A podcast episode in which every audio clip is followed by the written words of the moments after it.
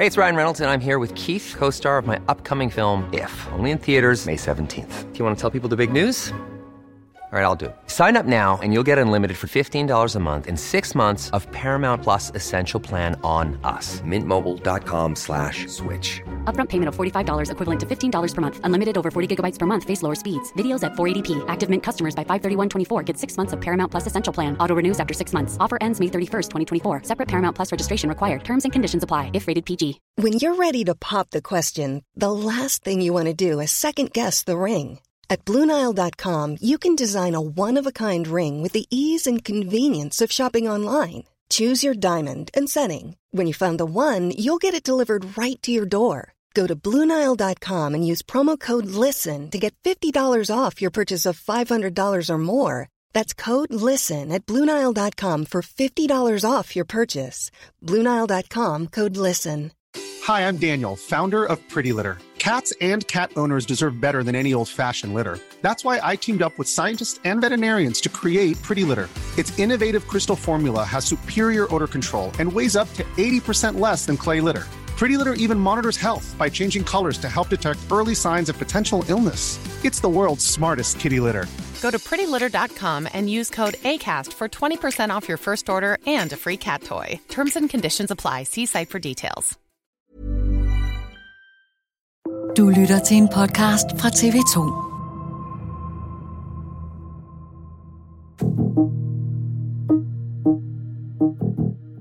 Det, der sker nu, det er jo altså, at statsministeren, hun har sagt, sygeplejerskerne sørme, at de skal have 2.500 kroner mere om måneden i 2030. Så er der altså nogle andre grupper, der tænker, hvorfor er det ikke mig? Jeg skal love for at hilse at sige, at politibetjentene, de er rasende. Det her, det er et digebrud, fordi vi har et system, der virker, og nu er der kommet et kæmpe hul i det. Vi aner ikke, hvad der er på den anden side.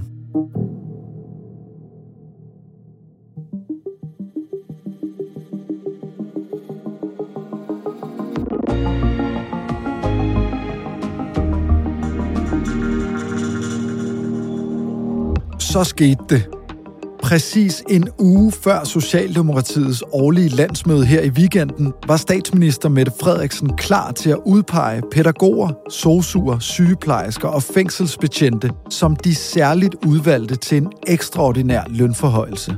Så det er nogle af de her grupper, som, som vi har behov for, altså som er helt vitale for, om et velfærdssamfund fungerer eller ej. Udmeldingen har fået en hård medfart for kritikere, som anklager regeringen for at aflive den berømte danske model, hvor det er arbejdsmarkedets parter, der selv finder ud af, hvor høj lønnen skal være.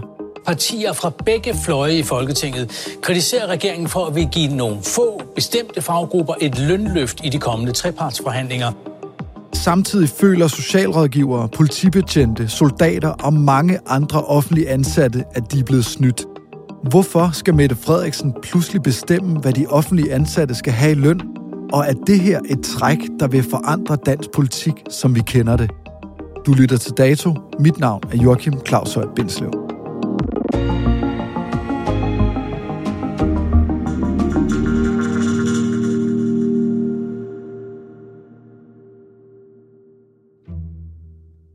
Det er ikke set før, at en statsminister går ud og giver lønforhøjelse direkte til faggrupper. Det er ganske ikke noget, vi ikke har set før, og konsekvenserne, de er uoverskuelige. Uoverskuelige ligefrem? Ja, fordi vi har et system i Danmark, som vi har bygget op gennem øh, ganske, ganske mange år. Et system, som grundlæggende øh, fungerer, og som giver en form for ansvarlighed og forudsigelighed.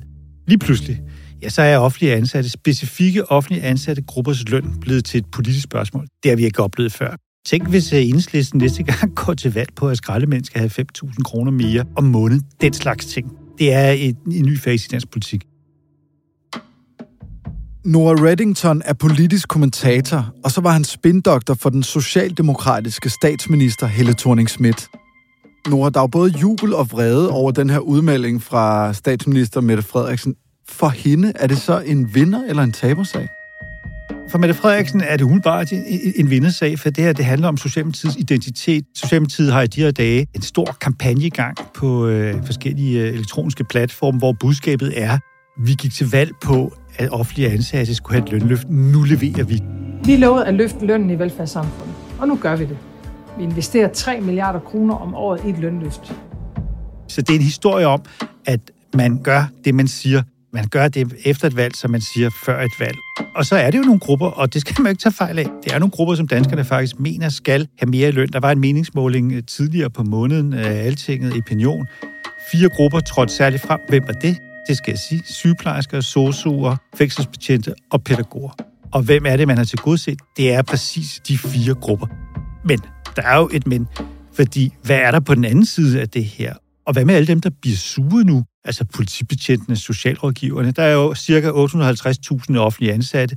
200.000 af dem skal have den her lønforhøjelse, som er markant. Så er der 650.000 tilbage, så må ikke der er nogen af dem, der tænker, hvad var det lige, der skete her? I slutningen af oktober sidste år, seks dage før folketingsvalget, mødte statsministeren pressen foran plejecentret Sølund på Nørrebro i København. Kære alle sammen, i dag præsenterer vi en samlet plan for at forbedre løn og arbejdsvilkår i velfærdssamfundet. Socialdemokratiet var ifølge Mette Frederiksen klar til at åbne for pengekassen, og hun lovede konkret 3 milliarder kroner. til at hæve lønningerne for offentlige ansatte. Vi har som samfund stadig svært ved at rekruttere og fastholde de medarbejdere, vi alle sammen er så afhængige af. Bag statsministeren var store røde plakater af sosu-assistenter med tekster som Nu er det pigers tur. Alligevel vil Mette Frederiksen ikke dengang fortælle, hvem der kunne se frem til en lønstigning. Forklar lige, hvorfor I ikke allerede sætter navn, ansigt og faggrupper på dem, der skal have mere i løn. Det er der en øh, primær forklaring på, og det er, som vi var inde på før, at den danske arbejdsmarkedsmodel er meget, meget unik. Mette Frederiksen melder jo det her ud i valgkampen sidste år, at der er nogle offentlige ansatte, der skal have noget mere i løn. Prøv at sætte nogle ord på, hvad er det, der sker på det her tidspunkt? Ja, man kan sige, at der er en god og en dårlig grund til, øh, at vi står her, hvor vi øh, står i dag. Det første er, at øh, sygeplejerskerne øh, som fag gennem mange år har haft en oplevelse af, at de fik for lidt i løn. De har været ude i store strækker i 2008, igen i 2021. Altså, jeg gør det for mine kolleger. Jeg har været sygeplejerske i 30 år. Jeg gør det for fremtiden. Begge gange har de fået nogle store slag af det politiske system. Efter mere end 10 ugers strække blandt sygeplejerskerne er det ved at være slut. Regeringen og et flertal i Folketinget stopper konflikten mellem sygeplejerskerne og danske regioner. Jeg er virkelig øh, rasende, skuffet, øh, og også rigtig meget målløs. Der er i befolkningen en oplevelse af, at, at de har fat i noget. Det er bare utrolig svært, fordi vi har den danske model, at give sygeplejerskerne en ekstra lønforhøjelse. Og så er der jo udfordringer med at rekruttere til sundhedsvæsenet, ikke mindst til sygeplejersker. Man kan bare kigge på stillingsopslag. De stillinger, der bliver slået op, der er ikke nogen, der søger dem. Der er patienter på gangene, blandt andet fordi der ikke er personale. Der er steder, hvor der ikke er narkose-sygeplejersker øh, nok til, at vi kan operere. Så der er et kæmpe efterspørgsel efter sygeplejersker. Der er en kæmpe mangel på sygeplejersker, og det gælder også andre steder i den offentlige sektor. Og vi kan se, at den her efterspørgsel, den her mangel, ja, den bliver kun større i det kommende år. Så der er en god grund til at sige, hvad er det, der sker med det offentlige arbejdsmarked? Hvad skal vi gøre for at tiltrække og fastholde offentlige ansatte? Det er den gode grund så er der så den dårlige grund. Og det handler om politik. Det handler om, at vi øh, sidste efterår øh, var på vej ind i en, en valgkamp, som var meget dramatisk, og at øh, Socialdemokratiet jo faktisk øh, kommer ind efter sommerferien med dårlige meningsmålinger, ser ud til at, at tabe regeringsmagten. Så går der selvfølgelig øh, en form for panik i en socialdemokratisk top. Nogen vil givet allerede nu tænke, siger I kun det her, fordi der er mindre end en uge til, at valget skal afholdes. Det gør vi ikke. Og det her med at gå til valg på offentlige ansatte skal have øh, mere i løn, det er ganske ikke noget, som Socialdemokratiet tidligere har afholdt sig fra. Men når man kigger ind i et afgrundsdybt nederlag, noget man ikke havde fantasi til at forestille sig, så er det altså, at man er parat til at, at smide det her kæmpe kort i dansk politik, som virkelig kan forandre meget. Under valgkampen sidste år, hvor stor en vindersag er det her med at sige, der kommer en masse penge, og de kommer lige om lidt. Vi kan ikke lige sige præcis til hvem, men der kommer. Har lønløftet haft betydning for Socialdemokratiet? Det er jeg slet ikke i tvivl om, at det har. Det har været med til at, at flytte nogle af de helt afgørende vælgere til allersidst. Efter knap et års ventetid var statsministeren klar. I weekenden stillede hun op til interview med TV2 for at fortælle, hvem der skal have mere i løn. Det gælder blandt andet social- og sundhedsassistenter og hjælpere, det gælder sygeplejersker, det gælder pædagoger, og det gælder kriminalforsorgen. Hvorfor er det egentlig lige præcis de her fire faggrupper, der er blevet udvalgt? Det er, fordi det er nogle meget store grupper. Sygeplejersker og sosuer er jo meget, meget store grupper. Man kan kigge på, når man ser på øh, sådan, at lønstrukturkomiteens arbejde, så kunne man sige, at eksempelvis en gruppe som præster får en, en overraskende lav løn. Det er bare ikke så interessant med præster, hverken politisk eller i forhold til det samlede arbejdsmarked, med far for at fornærme nogen, både i det her liv og det næste liv. Så øh, det er jo ikke velfærdssamfundets øh, kernetropper. De her grupper er meget, meget store. Man kan sige, at en gruppe som fængselsbetjente er ikke nødvendigvis øh, numerisk set voldsomt stor. Men det er en gruppe, som Socialdemokratiet og i særdeleshed øh, Mette Frederiksen har omfavnet øh, tilbage til øh, Socialdemokratiets kongres i 2018. Der gjorde hun fængselsbetjente nærmest til sådan en form for adaptivbarn af arbejderbevægelsen. Det var virkelig nogen, man skulle gøre noget for, og det er sådan noget, man leverer på i den her omgang. Men de andre grupper er meget store, særligt sygeplejersker og sosuer, og sosuer er en gruppe, som kun kommer til at vokse i de kommende år. Der er simpelthen noget numerisk i det. Og så er der jo også det, at det er jo meget sådan øh, symbolstærke grupper.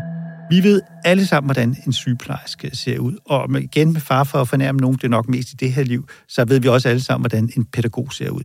Og det betyder noget i forhold til den politiske kommunikation, at det er meget svært eksempelvis at få en vindersag ud af, at HK's øh, medlemmer af HK'er i stat og kommune skal have et, et stort øh, lønløft. Vi aner simpelthen ikke, hvad de laver. Vi aner ikke, øh, hvordan de ser ud. Vi forbinder dem ikke med velfærdssamfundet. Men de her grupper, de er rent kommunikativt meget, meget identificerbare. De er symboler på vores velfærdssamfund.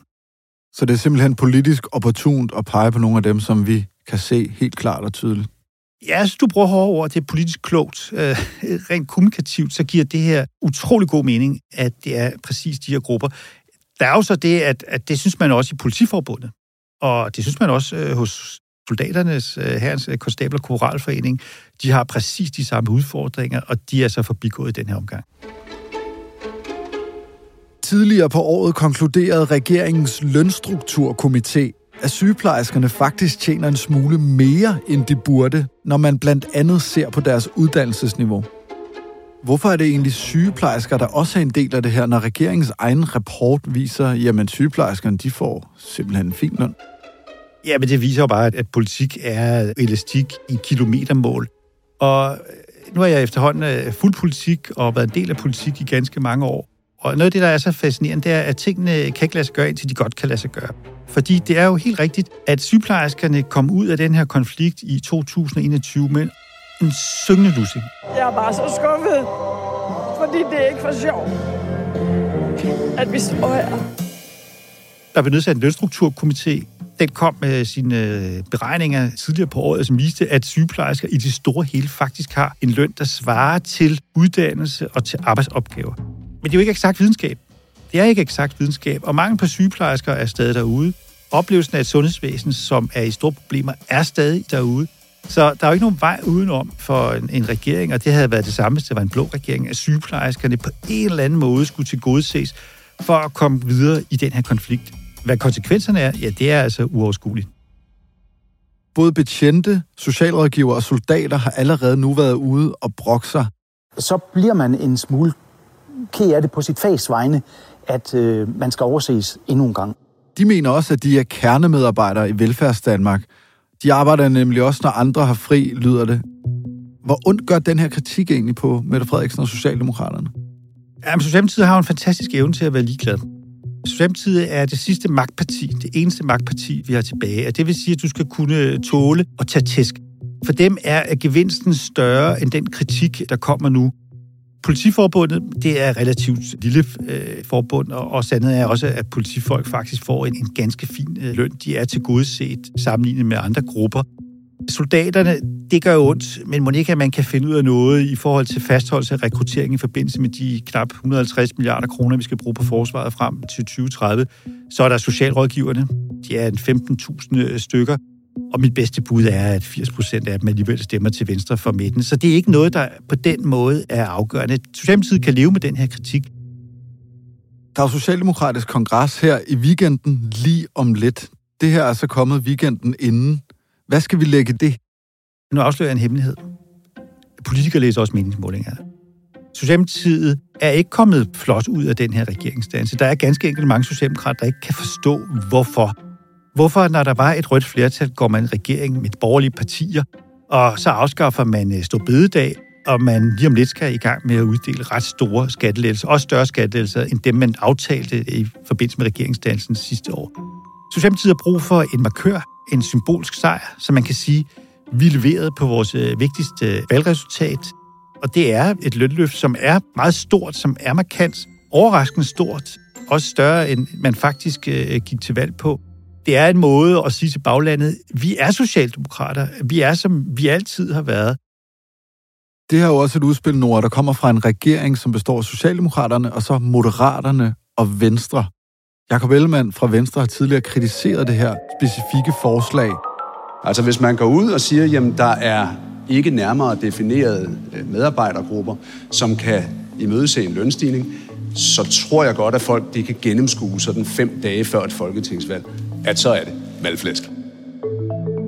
Hvad siger det om magtforholdet i regeringen, at den her regering over midten kommer med noget, der er så, så at sige, anderledes i forhold til, hvad vi har set tidligere, og som strider direkte imod, hvad den blå del af den her regering ønsker?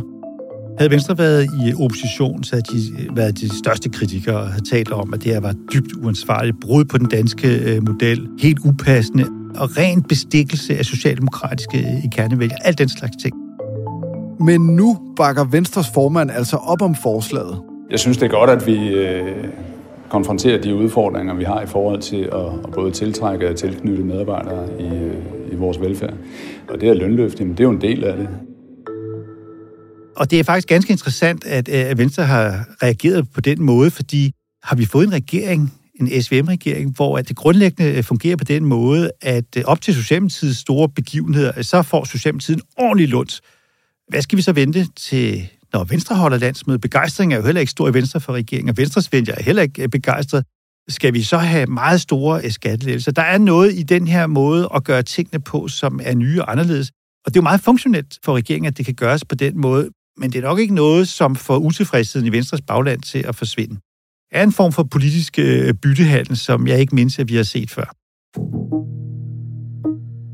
Regeringen siger jo selv, at det her, Nora, ikke er et brud på den danske model. Det er en ekstraordinær beslutning, der altså ikke kommer til at ændre fundamentalt på den måde, Danmark er kørt på med den danske model. Hvad tænker du om den melding? Jamen, jeg er nødt til at gentage mig selv. Politik er vidunderligt. Altså, ting kan ikke lade sig gøre, indtil de godt kan lade sig gøre det var jo Peter Hummelgaard, der sagde det i forbindelse med valgkampen øh, sidste år. Det er en helt ekstraordinær situation. Men nu er det jo sådan, at man har ikke i den politiske højesteret eller i grundlovsfængslet en definition af, hvornår noget er en ekstraordinær øh, situation. Mit bedste bud er, at man i politiet synes, man er under et ekstraordinært pres, at øh, man i Herrens Konstabel og Korporalforeningen jeg tænker, at det her er virkelig, og det er jo vidderligt, en ekstraordinær situation med krig i Europa, eller Socialrådgiverforening, eller Præsteforening. Det der, ja, det er jo sådan noget indbegrebet af politikersnak. Det er det, man siger, når man øh, skal have tiden til at gå, og han ved jo godt, at det ikke er rigtigt. Det spændende nu, det er, hvad er det for nogle dynamikker, der sætter i gang i fagbevægelsen? Hvor sure bliver de andre forbund? Så det kan skabe nogle ret store konflikter internt i fagbevægelsen, nedad. af. Og så er der jo altså også dem over i den øh, private sektor, de synes ikke, det er en god idé, det her. Altså, de har ikke lyst til, at dansk politik skal reduceres til, øh, hvilke partier, der kan tilbyde de offentlige ansatte højst øh, lønning og lønfremgang. Det lægger et kæmpe pres på de forbund næste gang, de skal ud i en overenskomstforhandling, hvor det handler om konkurrenceevne, det handler om Danmarks økonomi, at deres ansatte siger, prøv at høre her, altså sygeplejerskerne, de går på gaden, de får 2.500 kroner ekstra om måneden. Og det er det, jeg mener med, at det her er et digebrud. Det er noget, som slet ikke er tænkt igennem. Er det her et klokkeklart brud på den danske model, eller har regeringen en pointe i, jamen, det er bare lige en ekstraordinær situation, hvor der lige mangler en masse ansatte? Altså, jeg vil gerne tage den her sag helt til den europæiske menneskerettighedsdomstol, velvidende, at jeg vil få ret. Altså, det her er et klokke, klokkeklart brud på den øh, danske model. Vi er på vej mod noget, som vi ser i andre europæiske lande, hvor at konflikter på arbejdsmarkedet har en meget større synergi med det politiske system. Og jeg har svært ved at se nogle lande, hvor det har været en stor gevinst. Jeg kan ikke lade være med at tænke på, Nora, at der er jo en reel udfordring med rekruttering til mange af de her kerneydelser i den offentlige sektor. Og det virker som om den danske model ikke rigtig sådan løser det. Vi har talt om det længe, der sker ikke så meget. Er en ansvarlig regering, en ansvarlig statsminister ikke bare nødt til at sige, jamen, vi bliver nødt til at gøre noget? Og så er det måske ikke lige det, vi plejer at gøre. Og det er jo så et godt argument for, at øh, man skal bevæge sig. Men problemet er jo så, at der er jo altså også problemer med at rekruttere øh, politifolk. Der er problemer med at, at rekruttere soldater. Så opgavebeskrivelsen er jo meget præcis. Slet ingen tvivl om det. Men øh, måden at løse det på er politisk på en måde, som vi ikke har set før. Og så kunne man jo sige, at det handler jo også om at have is i maven. Det handler om at uddanne flere sygeplejersker, flere socioassistenter. Og så er der jo en stor elefant i rummet, når det handler om arbejdskraft i Danmark, som hedder udenlandsk arbejdskraft. Og der er man i øh, Socialdemokratiet i hvert fald ikke interesseret i at gå den vej. Hvordan kommer det her, Nora, til at ændre de valgkampe, vi skal hygge os med de næste par år? Alle har lært en lektie, både på Christiansborg og uden for Christiansborg, der handler om, at hvis du er tilstrækkeligt vedholdende og kan evne at skabe en folkelig øh, sympati for din gruppe, og kan komme med nogle tal, som ikke er sådan helt uvederhæftige, så har du en god chance for at skyde dig igennem det politiske system og skabe en ekstraordinær øh, situation. Jeg vil ikke blive forundret, hvis vi i fremtiden ser partier som Dansk Folkeparti, Enhedslisten, SF, jo også Socialdemokratiet igen gå til valg på lønløfter, endda til meget specifikke grupper. Nora, kommer vi om 20 år til at kigge tilbage på det her, den her udmelding fra Mette Frederiksen, og, og tænke, jamen det der var bare det første store skridt ind i, at den danske model, den er død og begravet? Det korte svar på det gode spørgsmål er ja. Hvad vil du særligt holde øje med den kommende tid i forhold til, hvordan det her udspiller sig? Nu har regeringen jo nævnt øh, fire grupper, så ved du og jeg og, og lytterne ved jo nu, hvad regeringens hjerte er fuld af, nemlig de fire grupper, som befolkningen også mener skal have mere i løn. Men det er jo et udspil, og alt det her kan jo øh, flytte sig i en forhandling, og man kan jo godt forestille sig, at der er nogle af de her grupper, som råber højt nu, som også ender med at få noget, og de 2.500 kroner bliver en lille smule mindre. Men de må ikke blive meget mindre, fordi så har du balladen igen om, at, at du smører det for tyndt ud. Så jeg vil faktisk, jeg vil, det lyder jo helt latterligt, men jeg vil faktisk holde øje med, hvad, hvad ender det med på, på kroner og øre øh, for de offentlige ansatte. Det kommer til at definere det her. Kan du egentlig til kongres her i weekenden? Ja, jeg skal til landsmøde med, med TV2. Og det hedder øh, for øvrigt ikke kongres længere. Det er jo sådan noget, der hed i gamle dage. Men nu hedder det landsmøde, ligesom hos de andre partier. Kongres, det har sådan noget sovjetisk over sig. God fornøjelse, og øh, Nora Reddington, tak for du kom. Tusind tak. Dagens program er tilrettelagt af Thomas Kahir Humle. Ida Skjærk står for lyddesign. Redaktør er Astrid Louise Jensen. Og mit navn er Joachim Claus Høj Bindslev.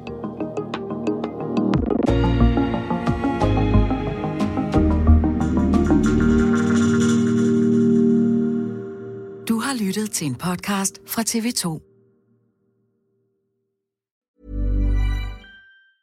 Hi, I'm Daniel, founder of Pretty Litter. Did you know cats tend to hide symptoms of sickness and pain? I learned this the hard way after losing my cat, Gingy. So I created Pretty Litter, a health monitoring litter that helps detect early signs of illness by changing colors, saving you money and potentially your cat's life. Pretty Litter is veterinarian developed, and it's the easiest way to keep tabs on your fur baby's health right at home. Go to prettylitter.com and use code ACAST for 20% off your first order and a free cat toy. Terms and conditions apply. See site for details.